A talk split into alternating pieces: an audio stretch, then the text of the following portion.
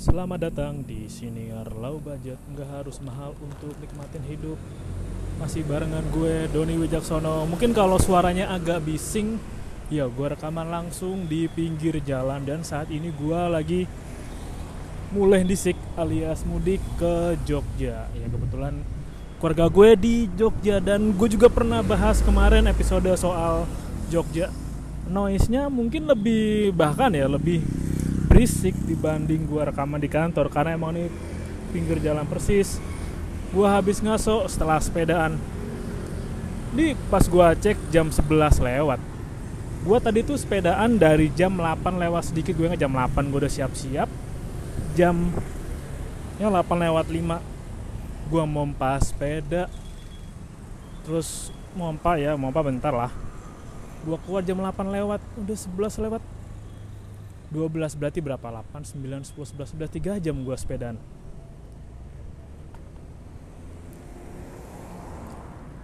Dan nah,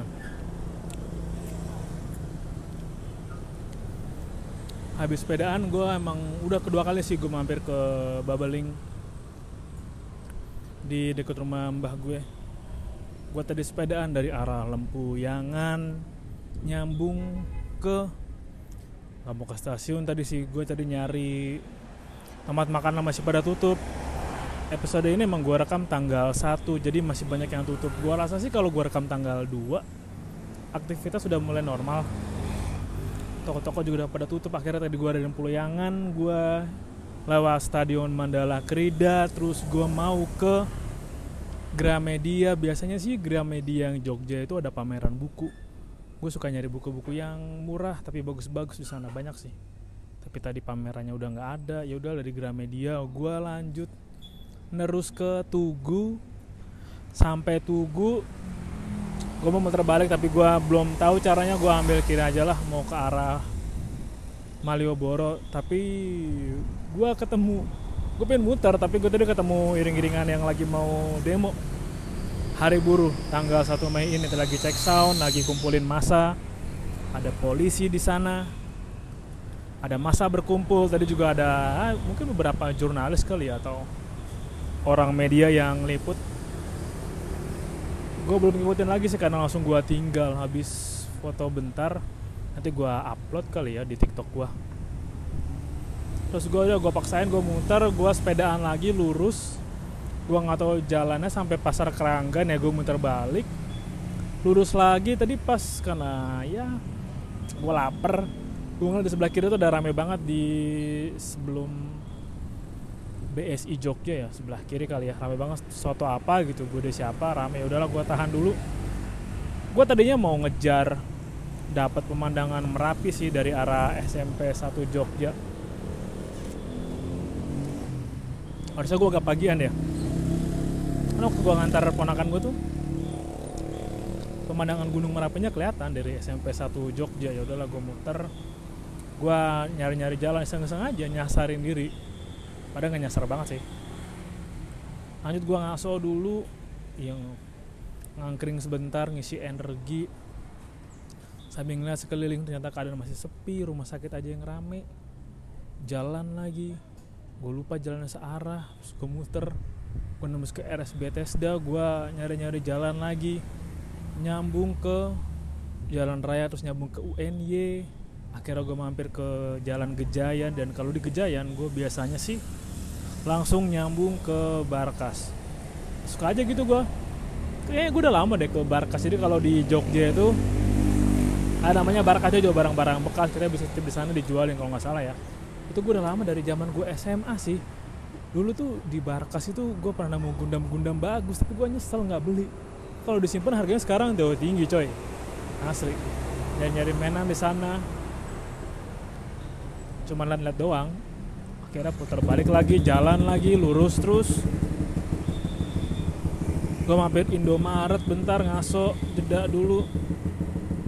Balik lagi sepedaan dan sampai di ini jalan apa ya? Jadi patokannya sih kalau bubbling itu ada deket sebelum PT Taspen atau sekolah AMD yang masyarakat desa itu kekuliahan ada sini sih ada oh ada yang baru fitness apa gitu di situ.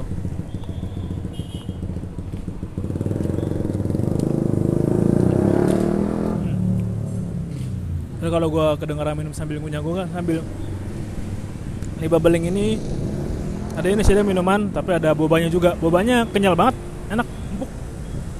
sepuluh ribu gede lagi. Jadi kayak gue habis sepedaan capek ya gue minum ini oke lah buat mulihin energi gue dan nyimpen cadangan gula. Harusnya nggak banyak gula sih udah banyak gula gue dari pagi. Gue rasa emang kalau di Jogja itu emang enak banget kalau lagi hening gini enak banget. Tadi gue juga iseng ngulik-ngulik nyari-nyari jalan ya jalan semi gede gue lihat banyak perumahan. Rumah-rumah yang gede bukan rumah tapi rumah yang gede.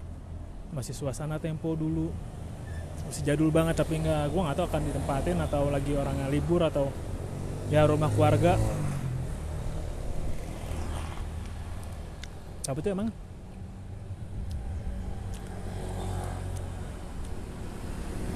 Buat gue Jogja ya tenang aja. Gue bisa nyari ketenangan kedamaian dan banyak juga ide-ide yang gue dapet kalau gue habis balik dari sini gue jadi inget sih tahun lalu itu gue juga pernah buat episode ya yang membagi ya lu harus buka diri ketika lu lagi lebaran sama keluarga lu. Gimana sekarang?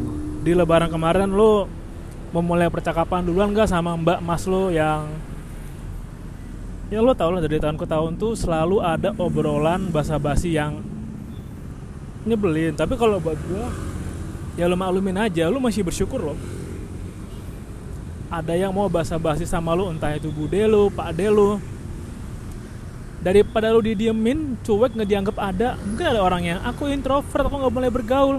Aku senang kok aku dianggap nggak ada.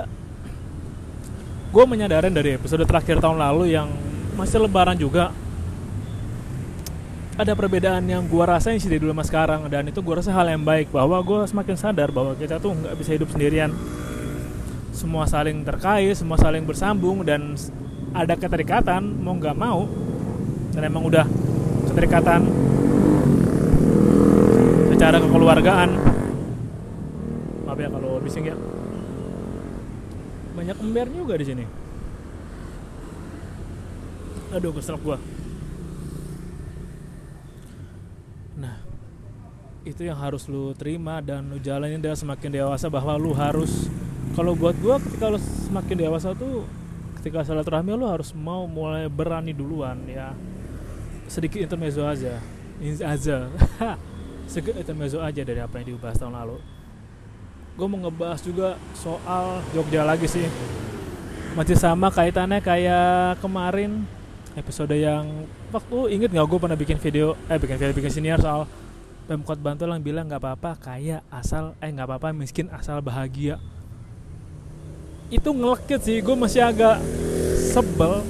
Kenyataan itu muncul dari orang yang nggak ngerasain bagaimana struggle hidup di Jogja. Gue baru inget gue pernah tahu dari temen gue temen gue ini pernah kerja di daerah Sleman. Sleman kan masih Jogja ya?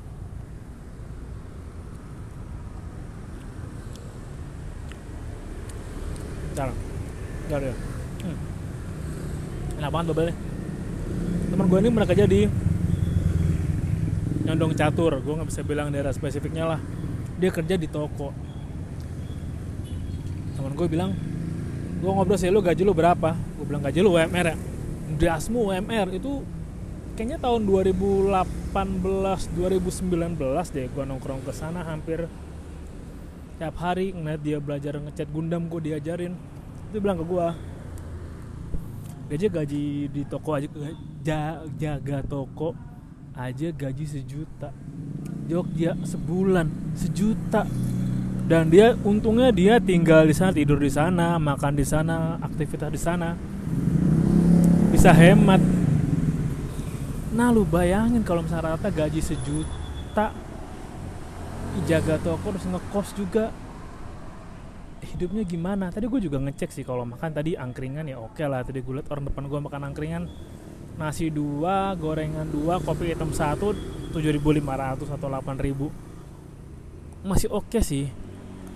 Tapi gue pernah juga ini berarti pembahasan gue dua atau ketiga.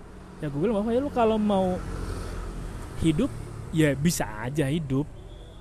Kalau kasar ini kata tante gue ya hewan juga hidup kali. Ya kucing kucing juga hidup kali. Kalau makan doang mah hmm, apalagi ya? Gue bing kata yang kasar sih. Oh jangan kucing. Uh, kuda. Kuda juga hidup kali kalau makan doang. Tapi kan pertanyaannya kan kita apa lo mau disamain nama hewan terus? Ya lu kan orang. Ya lu kan butuh kualitas hidup yang baik ini juga masih uh saling berkesinambungan lagi deh mau pernah gue bahas ya kayak kita akan di episode senior gue ya kita akan semakin kekurangan orang pintar. Itu nyambung juga ke keadaan sekarang. Ini mungkin sedikit keresahan gue. Gue nggak tahu bener apa enggak. Gue coba mengkaitkan data yang ada dari BPS soal kota Jogja ketika bupati bilang kayak gitu. Yang bilang bahwa Jog ya bagian Yogyakarta itu masuk provinsi termiskin secara BPS bukan gue yang bilang BPS untuk daerah istimewa. Jawa Tengah juga mendapatkan gelar provinsi yang wow. Gue sadar sih kita dari Jogja tuh emang banyak tokonya banyak pelan-pelan modernisme sudah mulai merabak di sini. Tapi pertanyaan selanjutnya kan oke okay, itu kan udah mulai modern banyak kayak tadi udah mulai ada yang fit yang di tempat gym terkenal atau udah ada mulai merek-merek yang kayak Mixway ada model Red Doors oke okay lah tadi kayak hotel Ambaruk mau ada. Tapi pertanyaan selanjutnya kan yang tambah kaya siapa? Ketika investor datang masuk ke sini yang tambah kaya siapa? Ya investornya lah kita hanya kebagian kecil gue pernah bikin gue mau bahas sedikit juga sih bagaimana kekhawatiran gue sama anak-anak yang kuliah di sini. Mungkin emang sini kota pelajar. Oke kota pelajar memang. Tapi pertanyaannya oke mereka kan pelajar. Mereka itu membantu ekonomi daerah melalui kayak beli makanan alat-alat tulis tapi harga kendaraan sama harga laptop sama lu bayangin dengan gaji sekian lu mesti bayar motor harganya sama kayak di kota-kota besar. Mungkin ada nyicil lebih lama. Kemarin gue sempat kencana juga sama teman gue kan lu bayangin kalau bensin BBM di Jawa Tengah sama. Tadi ya kalau kata Pertamax 13 ribu pertam, Pertalite Ceban gaji 2 juta. 10 ribu aja berarti lu sama kayak bolak-balik 200 kali perjalanan lu beli bensin doang itu belum sama uang makannya lah istirahat dulu lah buat lu nabung lah. Gue sempat rasa juga emang sih kota ini damai. Tapi kalau menurut gue banyak gue banyak keresahannya kalau gue di sini sih. Karena banyak ada gue yang tinggal di sini Pak Le gue juga Bude. Ya kalau emang hidup bisa hidup tapi kualitas hidup kita berbicara kualitas hidup kebutuhan pangan. Kalau pendidikan gue kurang tahu ya. Tapi kalau dari cerita ponakan gue pendidikan terjangkau lah. Nggak begitu mahal. Tapi penunjang pendidikan walaupun itu bahasan lain lagi tapi perlu dijadiin cara ngeliat kayak kemarin daring yang ada gratis kalau SD SD sekarang kalau zoom mesti manteng harus punya wifi. Kalau pakai wifi IndiHome kalau trouble solusinya restart. Ya sampai ada meme kan marketing IndiHome sama teknisi IndiHome.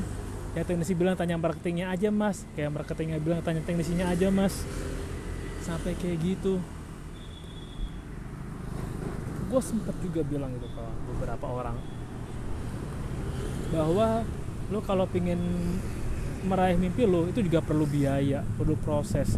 Dan lo nggak bisa hidup sendiri kecuali lo sangat-sangat berprestasi lo hidup sendiri dari prestasi lo dapetin biaya oke okay lah oke okay banget bisa ngasih ke orang tua lo ke keluarga lo tapi ketika lo ingin berprestasi kan butuh biaya. Lo ingin meraih mimpi kan butuh biaya. Misalkan lo mau jadi peternak sini kan yang karena Jogja misalkan mau peternak lele lo butuh biaya buat lelenya biaya pakannya biaya perawatannya.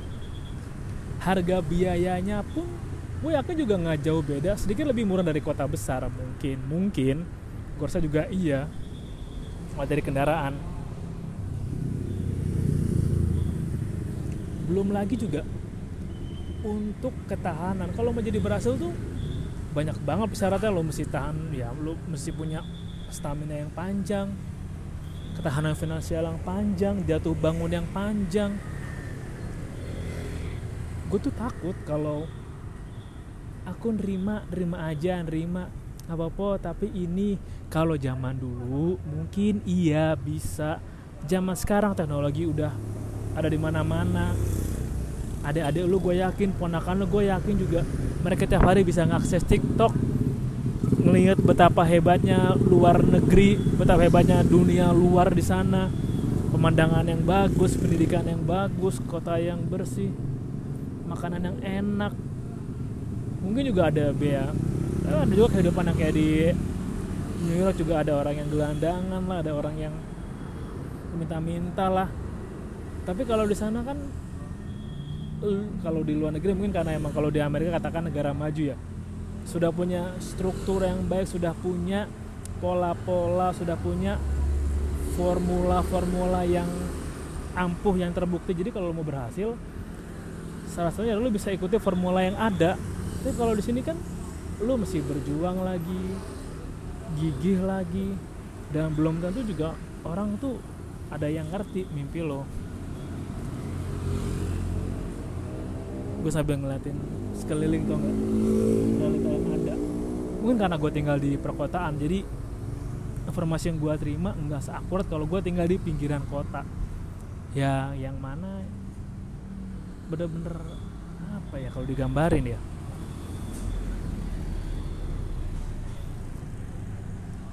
Ya yang rumah bangunan lama kan ada yang bilang oh nggak apa-apa kok. Yang penting kan tuh bisa punya rumah tuh bisa punya motor oke motornya motor tahun berapa? Punya rumah bikin rumahnya kapan? Bangunan-bangunan lama yang bikin dari orang tua orang tua mereka ada muda mereka entah karena tanahnya dibeli lah atau entah karena dapat hibah lah tukar guling tanah lah. Gua langka banget nemuin yang bener-bener emang karena hasil kerja keras. Belum kali ya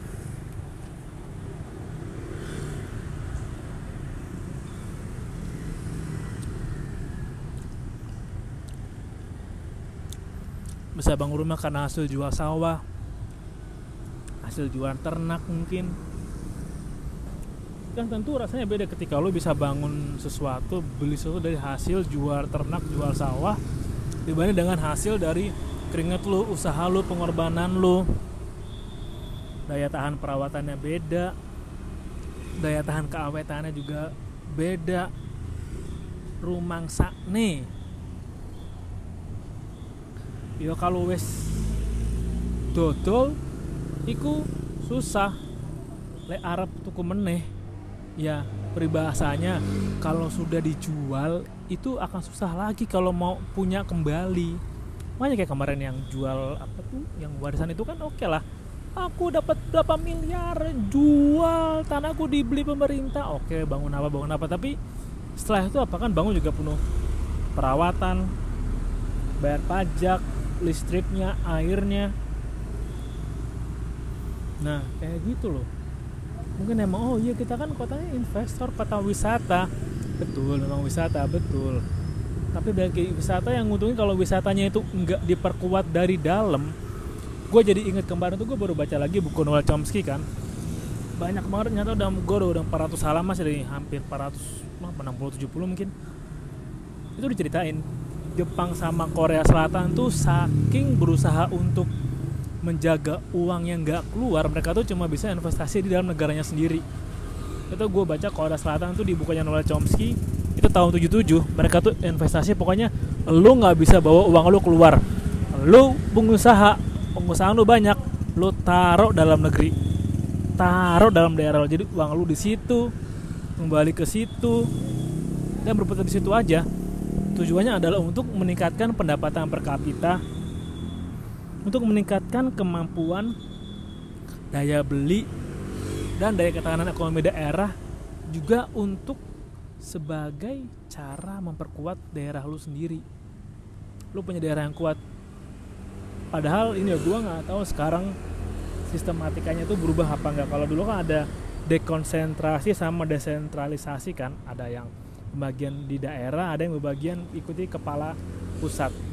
Menurut gue emang penting banget kalau lu punya atau daerah tuh punya gambaran pembagian atau visi misi tiap daerah yang jelas. Belajar dari Cina aja dan belajar dari daerah kayak Pakalongan keren tuh. Dia punya pusat batik ini jadi gambarannya jelas. Atau misalkan Majalengka dia punya genteng atau daerah lain yang punya unggulan berjuang masing-masing. Tapi pertanyaan adalah kalau itu kan daerah oke okay, udah keren dengan itu urusan daerah masing-masing tapi ini kan daerah istimewa yang secara data tuh terima dana hibah banyak banget setiap tahun. Kalau lo bisa kasih tau gue penggunaan dananya buat apa aja gue berterima kasih banget sih buat pembelajaran gue buat gue percaya bahwa ya tempat yang ditinggali oleh keluarga gue di sini atau mungkin ada keluarga lo juga yang tinggal di Jogja. Paman lo ade lo bude lo seenggaknya gue bisa yakin oke okay lah bisa punya kehidupan yang baik mampu memenuhi kehidupan yang baik gak cuma dasar tapi baik. Dan juga bisa anak-anaknya cucu-cucunya itu mampu bersekolah dengan baik punya pendidikan yang baik. Terbukanya jalan yang baik untuk mereka dapetin cita-cita mereka. Tapi kalau wah gue rasa sih asli sih. Gue rasa loh kalau gue tinggal di sini. Misalkan gue tadi mau kuliah di sini gue kuliah di sini oke gue kuliah di sini. Dikirimin uang. Terus uang gue emang kembali lagi sih ke daerah gue beli makanan inilah beli minuman itulah. Tapi kan kalau kebutuhan kayak servis laptop print sama beli printer beli pulpen sama kayak di sana. Cuma tuh gue nggak banyak. Kalau gue udah selesai gue balik lagi ke daerah gue kota ini kosong apa kayak covid kemarin. Berasa banget kan? Penduduk kosong. Ya kosan bagus juga kosong. Pada dipelitin kuliah pada online. Beli makan terbatas. Sementara di sini juga di Jogja daerah yang banyak lansianya. Khawatir kan? Belum lagi dari daerah dekat rumah mbah gua aja ada petisi warga menolak membangun apartemen. Gue takut gitu. Gue agak-agak gue belum punya data pasti soal ini bagaimana ya. Lo kalau mau investasi di sini mesti bla bla bla bla. Tapi itu bahasan yang lain sih gue nggak nggak punya informasi yang banyak soal itu. Tapi untuk kesejahteraan anak mudanya untuk mimpi-mimpi anak mudanya untuk perjuangan anak mudanya ya bisa jadi tuh anak-anak muda yang kelitih yang apa itu mereka kurang tersalur ke energi mereka di sekolahan. Atau kurang tempat terbuka. Kayak di sini tempat terbuka alun-alun kurang terbuka sih buat gua buat gua ya. Nggak kayak di yang Sudirman atau kayak di taman-taman kota kayak tadi Taman Menteng lah atau di Taman Suropati lah kayak Jakarta gitu kan atau di Taman Linkin Park